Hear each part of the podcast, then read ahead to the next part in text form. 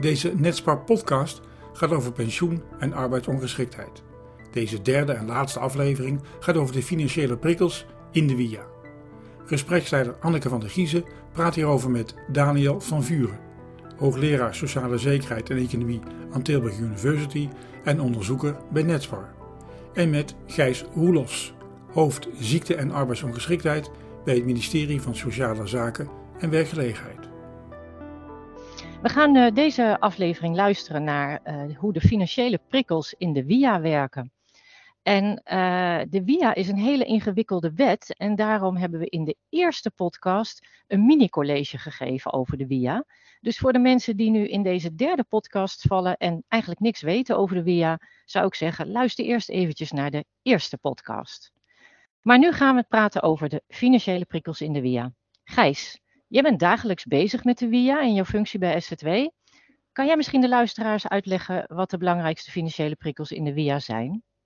Nou, de, WIA is um, een, een, een, hele ja, brede hervorming geweest in 2006 ten opzichte van de voorganger, de WAO. Er zitten ja, allerlei nieuwe en sterkere financiële prikkels in de WIA uh, sinds het begin van deze eeuw voor zowel werkgevers als werknemers. Het is moeilijk om te zeggen wat nou de belangrijkste is. Ik denk een van de meest uh, opvallende uh, is wel de uh, financiële prikkel voor mensen die gedeeltelijk arbeidsongeschikt zijn. Een financiële prikkel om hun restverdiencapaciteit, zoals we dat noemen, te blijven benutten. En dat is gedaan door een, eigenlijk een, een, een, een minimumuitkering te introduceren met een loonaanvullingsuitkering op het moment dat je tenminste de helft van wat je nog kunt verdienen daadwerkelijk verdient. En dat betekent dat er door die systematiek een, uh, ja, een heel groot verschil is in je totale inkomen. Of je werkt, uh, minstens de helft van die restverdiencapaciteit benut, uh, of dat je niet werkt, dan wel onder de helft van je restverdiencapaciteit benut. Ja, dat is denk ik wel een financiële prikkel aan de werknemerskant. Ja, ze, ze gelijk eigenlijk in de Nederlandse sociale zekerheid niet kent. En kan je aangeven om hoeveel euro verschil dat dan wel kan gaan per maand? Gewoon in een, in een gemiddelde situatie. Nou, dat hangt dus sterk af van het verzekerd inkomen. Uh, voor mensen die een uh, relatief hoog inkomen hadden, uh, op het moment dat ze ziek werden en uiteindelijk in de WIA belanden, kan dat verschil echt om enkele duizenden euro's per maand gaan. Of je dus die restverdiencapaciteit benut of niet. Duizenden euro's per maand? Ja, dat, dat ja, zo groot kan het uh, verschil zijn. Ja, omdat je uh, uh, op het moment dat je dus voldoende eigen inkomsten genereert met de arbeid die je nog kunt verrichten, ja. dan hou je recht op een, een, een, loongerelateerde uitkering, dus een uitkering die afhangt van je vroegere loon. Op het moment dat je niet werkt of, of te weinig om over die drempel te gaan, dan val je terug op, op een uitkering die gebaseerd is op het minimumloon. En als je dus voorheen een hoog inkomen had, dan is dat een, uh, een hoge terugval. Oké, okay, dus de prikkel werkt sterker naarmate de verdiensten in je oude baan uh, hoger waren. Dus de prikkel is vooral eigenlijk voor de midden- en hogere inkomens het meest relevant of het meest hard doorwerkend. Hoor ik? Ja. Zeg je dat? Dat, dat klopt, zo? ja. Ja. En ja, je noemt deze prikkel in de, in de WGA, noemen we dat dan, hè, de wet van de, de, voor de gedeeltelijk arbeidsongeschikte. Deze prikkel geldt niet voor mensen die een volledige arbeidsongeschikte hebben. Omdat die, uh, terwijl ze misschien nog wel verdiencapaciteit hebben. Klopt dat? Uh, klopt, ja. Dus mensen die, uh, die 80% verlies van verdiencapaciteit ja. hebben, of meer, ja. Uh, ja. Daarvoor geldt dat niet, inderdaad. die, uh, die krijgen niet. altijd een, uh, een, een, loongerelateerde uitkering in beginsel. Ja. Ik hoor je niet zeggen, terwijl wat ik wel vanaf weet, is dat bij de WIA ook de grens voor instroom in de arbeidsongeschiktheid is toegenomen van 15% naar 35%. Zou je dat niet ook een financiële prikkel kunnen noemen voor mensen die te maken hebben met langdurige arbeidsongeschiktheid?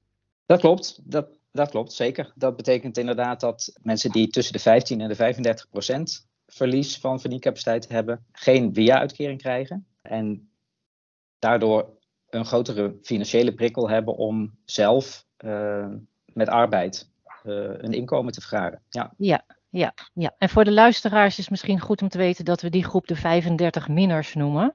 Dat is misschien een beetje jargon, maar dat zijn dus de mensen die wel uh, verlies aan verdiencapaciteit hebben, maar niet voldoen aan de grens uh, voor uh, een WIA-uitkering. En ja, dat is dus een, eigenlijk net een iets andere groep dan wat we de gedeeltelijke arbeidsongeschikten noemen. Daniel, jij hebt zitten luisteren naar wat Gijs vertelde over deze financiële prikkels. En jij hebt met, met je collega's van de Universiteit van Tilburg ook onderzoek gedaan naar effecten van financiële prikkels. Um, kan je iets vertellen over wat, wat, jullie, wat uit jullie onderzoek blijkt? We hebben nu twintig jaar de WIA, zeg maar. Wat, wat, wat blijkt, wat doet zo'n wet? Nou, we kunnen allereerst denk ik concluderen dat financiële prikkels heel effectief kunnen zijn. Maar ze zijn er niet per definitie. dus ik denk dat je per geval moet kijken wat het effect is van financiële prikkels.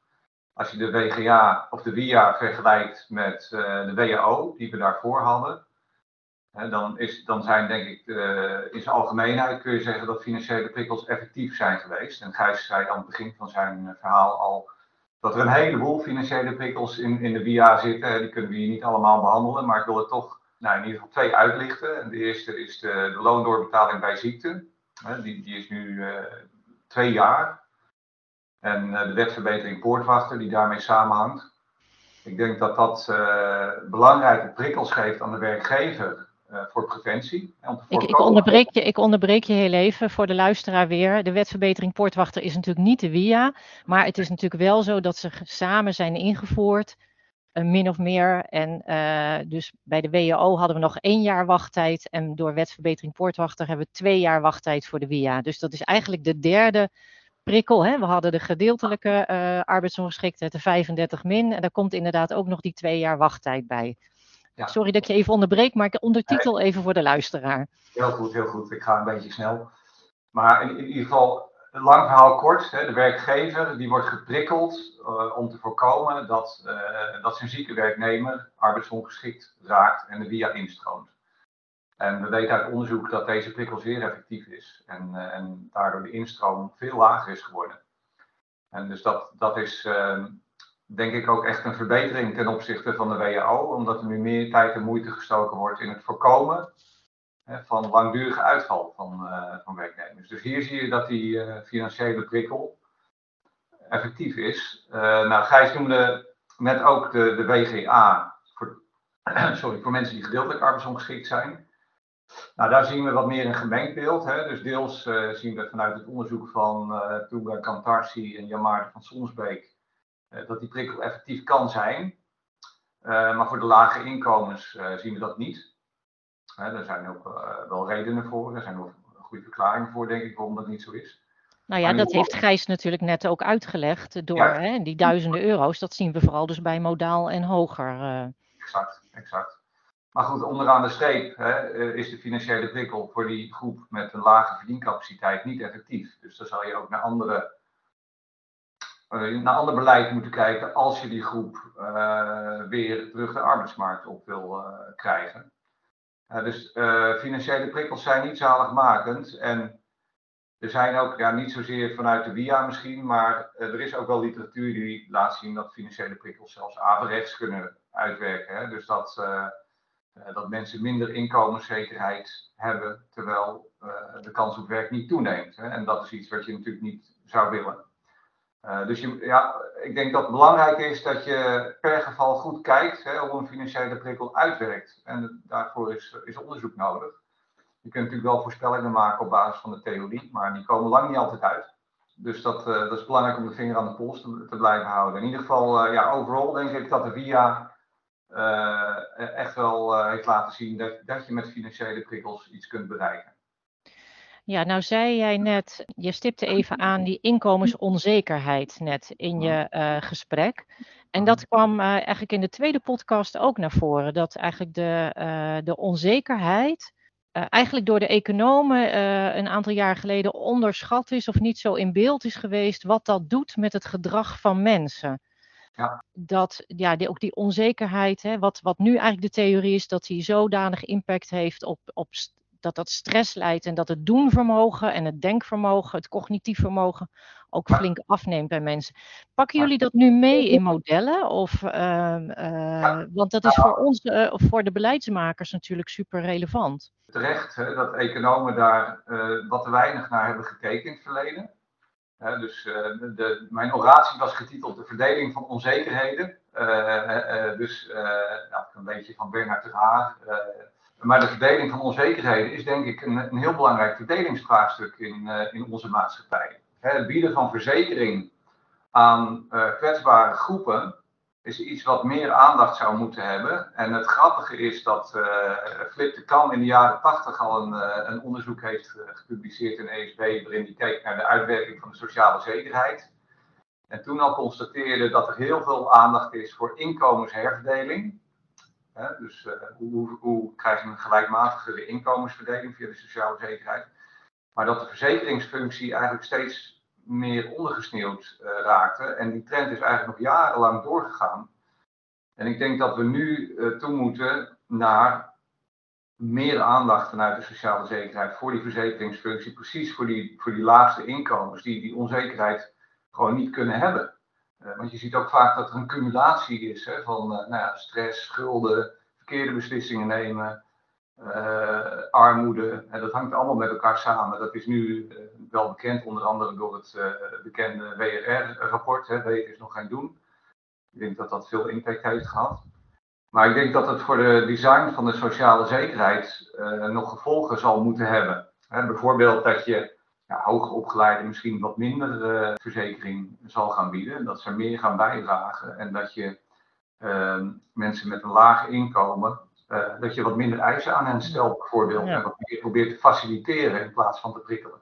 Ja, maar dan zeg je, hè, waar jij het nu over hebt, Daniel, is eigenlijk toch een beetje een paradigma shift. Ook ja. uh, uh, in de economische theorievorming, zal ik maar zeggen. Ja. En ik denk dat dat, nou ja, misschien moet ik maar even vragen aan Gijs. Is daar plek voor om deze paradigma shift ook richting beleid? Jij, misschien kan je er heel voorzichtig iets over zeggen, want wij gaan het ja, wat kunnen wij over beleid zeggen, zou ik maar zeggen. Dat is ook politiek. Maar misschien kun je er een paar woorden aan wisselen. En dan wil ik toch nog even weer naar, terug naar eh, de, de feitelijke financiële prikkels. Nou, ik, ik vind het wel interessant uh, wat Daniel aanstipt over de verzekeringsfunctie. De WIA is natuurlijk een, uh, vormgegeven als een, een verzekering tegen inkomensverlies. Uh, dus echt wel als een, als een inkomensverzekering. En um, het is wel interessant dat, dat, dat juist dat aspect ook wel ter discussie is de laatste tijd. Uh, het leidt soms tot, ja, tot effecten die, die mensen moeilijk uitlegbaar vinden. en soms ook oneerlijk vinden. Waarbij de, de uitkering die je krijgt niet afhangt van wat je nog kan met je beperkingen. Maar soms vooral afhangt van wat je daarvoor verdiende. Waardoor je dus twee personen die dezelfde aandoening hebben en toch dezelfde resterende mogelijkheden hebben, heel verschillende uitkomsten binnen de WIA krijgen. Iemand die voorheen een laag inkomen had, die wordt 35 min. die krijgt geen uitkering, want zijn verlies aan verdiencapaciteit is minder dan 35% Terwijl iemand die voorheen een hoog inkomen had, met precies dezelfde aandoening en resterende mogelijkheden, wel een uitkering krijgt. Omdat hij meer dan 35% inkomensverlies uh, heeft geleden. Dus uh, ik, ik, vind het wel erg interessant, die, die noties van Daniel omtrent die verzekeringsfunctie. en je ziet dat juist dat op dit moment ter discussie, ter discussie ja. komt. Het, eigenlijk lijkt het een paradox. Hè? Want je zegt van nou, iemand met een lage inkomen heeft dus eigenlijk minder kans op die uitkering. Terwijl ehm, er is ook onderzoek van Daniel, wat hij pas voor instituut GAK heeft gedaan waarin Daniel beschrijft met collega's dat via-uitkeringen juist uh, grotendeels ten goede komen aan de mensen met de laagste inkomens. Dus dat lijkt, ik zou maar zeggen, een paradox, want het, statistisch is het uitlegbaar. Maar hoe leggen we dit aan luisteraars uit? Dat mensen met lage inkomens minder kans hebben om zo'n uitkering te krijgen en toch dit type uitkeringen het vaakst voorkomen met mensen met laagste inkomens. Daniel, kan je dat uitleggen aan de luisteraar? Oeh, dat is, dat is een ingewikkelde vraag. Kijk, de, de, de, de kans dat je uh, als hoger opgeleide met een goed inkomen arbeidsongeschikt raakt, is over de levensloop gezien relatief klein. Als je het vergelijkt met mensen met zware beroepen bijvoorbeeld, hè, neem een stukje door. Hè, de kans dat, dat een stukje door arbeidsongeschikt raakt is, uh, uh, is groter dan, uh, nou ja, wat, iemand die bureauwerk doet, over het algemeen. Maar Gijs die heeft het nu over ja, een soort oneerlijkheid in het systeem. Als je twee vergelijkbare gevallen neemt, dan is, is de kans kennelijk voor een laag opgeleide minder groot om een arbeidsongeschiktheidsuitkering te krijgen. Dus dat, dat lijkt erop alsof, alsof het niet goed uitwerkt qua verzekering. Dus, want je zou juist degene met, met minder verdiencapaciteit min, meer verzekering willen bieden omdat iemand met een hoge verdiencapaciteit veel meer ruimte heeft om zelf te sparen of om zelf een aanvullende polis uh, af te sluiten hè, dan iemand met een lage verdiencapaciteit. Hè. Dus daar is de, publieke, de case voor een publieke verzekering is veel groter. Uh, nog steeds voor mensen met een lage verdiencapaciteit. Maar ehm, Daniel, is dat een politieke overtuiging van jou? dat je vindt dat die eh, groep uh, meer uh, recht daarop heeft, bij wijze van spreken? Nee, nee, nee. Dit is gewoon, dit is gewoon doelmatigheid. Ik kijk hier als econoom naar. Je moet als, als overheid kijken van als ik een euro uitgeef, waar kan ik dan de meeste verzekeringswaarde creëren? en ik denk dat, dat als je nu aan de marge kijkt, ja, dat is ingewikkelde economentaal, maar dan, dat je dan meer verzekeringswaarde creëert ehm, ja, bij kwetsbare groepen dan, dan bij mensen met goed inkomen. Maar hebben de economen destijds zich dan vergist toen ze de, de WIA creëerden? Nee, dat denk ik niet. Want je moet wel even kijken naar waar we vandaan komen. In de jaren 80 en 90 was het natuurlijk een hele andere situatie dan waar we nu in zitten. Ik herinner me een passage uit het uh, lezerswaardige boek van Gerrit Zalm. Uh, de romantische boekhouder, waarin hij een Amerikaanse delegatie ontving. En nou, er werd de Nederlandse sociale zekerheid werd uitgelegd, instituties toegelicht. En uh, die Amerikanen die vroegen, waarom werken er überhaupt mensen in Nederland? Want was dat de, de, tijd van de Dutch disease? Ja, ja, ja, ja, want werken was totaal niet lonend ten opzichte van de sociale zekerheid. Hè? Dus daar moest, daar moest natuurlijk iets gebeuren. En dat is ook gebeurd in de jaren 80 en 90. En, uh, en begin van deze eeuw uh, zijn er hervormingen geweest. Ik denk dat die heel effectief zijn geweest. Ik denk dat die uh, sociale zekerheid en de economie hebben versterkt, hè, grosso modo. Hè, dus, uh, maar de, de, grote slagen hebben we nu wel gehad. Hè, dus uh, met die financiële prikkels gaan we niet heel veel verder meer komen, denk ik. Ik denk dat je nu ook echt naar andere okay. beleidsopties moet gaan kijken. Dus je zegt eigenlijk de WIA was destijds in de context van begin deze eeuw eigenlijk een supergoeie wet. Ja. Uh, maar nu zie je van ja, met hoe die nu is geframed, daar kom je niet veel verder mee als je je doelen die achter de WIA zaten wil realiseren. Namelijk meer arbeidsparticipatie en uh, inkomensverzekering. Is dat wat je zegt, Daniel? Ja, ik, ik, denk dat je nu ook naar andere oplossingen zou moeten kijken dan naar financiële prikkels. En ik heb niet het ei van Columbus hier. Ik denk, ik denk dat je moet, nieuwe dingen moet proberen en, en goed evalueren en kijken wat werkt dus bijvoorbeeld kijken of je met, misschien met, met coaching of begeleiding uh, uh, meer, meer, daarvan die kwetsbare groepen kunt helpen om weer een plek op de arbeidsmarkt te verwerven.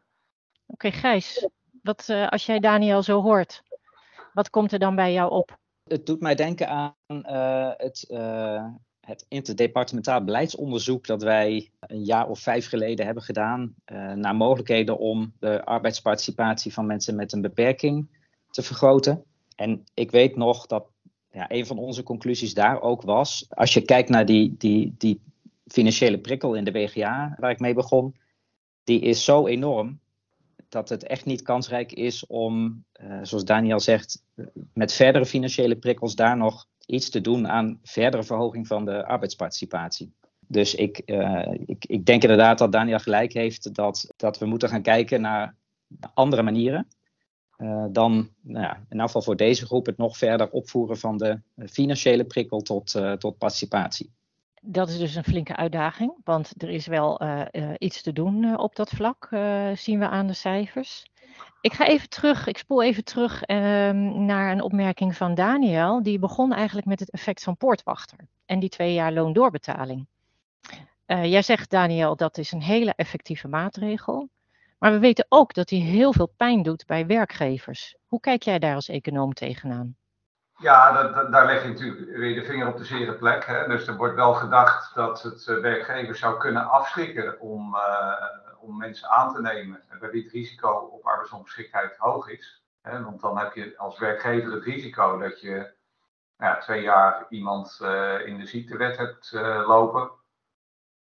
Uh, of in het hulps moet je tegenwoordig zeggen, geloof ik. En nou ja, dat, dat, een dure grap, zeker voor, voor kleinere ondernemers. Maar ook dit is een ehm, empirische vraag, hè, hoe erg dat effect precies is. En wat je dan vervolgens aan zou moeten doen. Maar ik denk grosso modo dat, dat, dat het positief is geweest. Want de instroom is natuurlijk veel minder geworden sinds de invoering van die wet. Ja, maar de instroom is ook minder geworden misschien omdat die 35% eh, ophoging uh, er is gekomen. En in internationaal perspectief, hè, tenminste dat, zeggen wat, dat is wat de werkgevers zeggen, er is geen enkel ander land ter wereld waar werkgevers zoveel pijn moeten lijden als in Nederland. Hè. Dat is hun, uh, hun stelling. Nou, twee jaar is natuurlijk ook wel erg lang. Hè?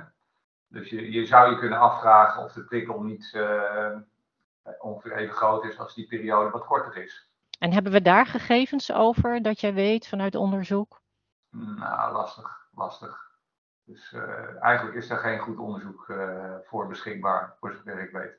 En zou de Universiteit van Tilburg dat uh, alsnog kunnen starten, dat onderzoek? Als daar middelen voor zijn, dan makkelijk. hey mannen, we zitten flink op streek in onze podcast. Zijn er nog onderwerpen waarvan jullie zeggen van nou Gijs, eh, ik zou nog echt dat en dat aan Daniel willen vragen of andersom? Ja, nou ik, ik, ik heb nog wel een vraag, want uh, ik, ik, vind dus eigenlijk dat, uh, dat, er, dat er meer zou moeten worden geëvalueerd. Ja, het is een beetje een grijsgedraaide plaat van onderzoekers. Ik heb ter voorbereiding op dit gesprek nog eens even gekeken hè, van wat weten we nou eigenlijk precies? En ja, we hebben wel veel ideeën. Ik vind het onderzoek van uh, toen Kantarsi en Jan Maarten van Sonsbeek heel mooi. En er zijn nog wel een paar andere onderzoeken, maar er zijn ook best wel veel dingen die we niet precies weten. Hè? Dus, uh, ja. En kan je, doe eens een voorbeeld. Nou, waar we, waar we het net over hadden, hè? die loondoorbetaling bij ziekte bijvoorbeeld, weten we eigenlijk niet genoeg van. Hè? Dus of die, of die twee jaar optimaal is, of dat, dat het misschien toch wat korter zou moeten. Uh, dat, dat vind ik wel een belangrijke. Want dat, als dat een reden is dat ja, mensen met een vlekje, wordt dat wel eens genoemd, vind ik een beetje een rare term, maar mensen met een hoog risico op arbeidsongeschiktheid, en dat die moeilijk uh, aan de bak komen door uh, die loondoorbetaling, ja, dat, als dat zo is, dan zou je er wat aan moeten doen. Maar dat weten we eigenlijk niet zo goed. Ja, dus ja. Daar, daar, zou ik wel goed onderzoek willen zien eigenlijk. Nou. Gijs, ben je het dan met Daniel eens? Of, ja, helemaal. Ja, die, die loondoorbetalingsverplichting en hè, de reïntegratieverplichting die, daar, uh, die daarbij hoort, uh, um, ja, die wordt door werkgevers uh, als, als heel zwaar ervaren. Tegelijkertijd is het idee wel dat het, dat het goed werkt om de reïntegratiekansen, de werkervattingskansen van, van werknemers te vergroten. En wij gaan uiteraard af op het, het, het oordeel van het Centraal Planbureau voor wat betreft de effectiviteit van eh, van die prikkel voor werkgevers. Eh, en dus ook van de doorrekening van het Centraal Planbureau eh, van wat het zou betekenen aan extra weerinstroom op het moment dat je dat zou verkorten naar, naar anderhalf of één jaar. En ja, dat financiële plaatje is, uh, is, is fors. En onderliggend het effect dus op de werkervattingskans is, uh, is fors. Uh, ik ben het eens met Daniel dat, dat dit empirisch minder, um, minder hard is vastgesteld ja. dan bepaalde andere prikkels. Zoals bijvoorbeeld het effect van de 35% drempel en het effect van die sterke prikkel in de WGA om je restverdiencapaciteit te benutten voor gedeeltelijk arbeidsongeschikten. Dus ik, ja, ik onderschrijf dat volledig. We zouden heel graag zouden we daar meer empirisch onderzoek specifiek over die loondoorbetalings- en reintegratieverplichtingen in die eerste twee jaar uh, willen hebben. Ja, en maar ik hoor je eigenlijk ook zeggen, we hebben een duivels dilemma. Want we weten financieel dat het echt een flinke post uh, is om daar uh, op te verkorten. Tegelijkertijd zouden we er ook uh, meer over willen weten wat, of er nog rek in zit, zal ik maar zeggen. Ik denk dat we eigenlijk de belangrijkste financiële prikkels wel hebben besproken. Hè? De twee jaar loondoorbetaling, de 35% kans en de gedeeltelijke WGA. Ik wil jullie hartelijk danken voor de inzichten die jullie hebben gedeeld in deze podcast. Zijn er mensen die nog vragen hebben over de financiële prikkels, dan kunnen ze natuurlijk altijd de heren nog aanspreken uh, later, op welke manier dan ook. En ik denk dat we daarmee aan het einde zijn gekomen van deze derde en laatste podcast. Hartelijk dank voor het luisteren naar deze Netspar Pensioen en Wetenschap podcast. Meer weten over ons pensioenonderzoek? Volg ons kanaal voor meer podcastafleveringen of kijk op www.netspar.nl.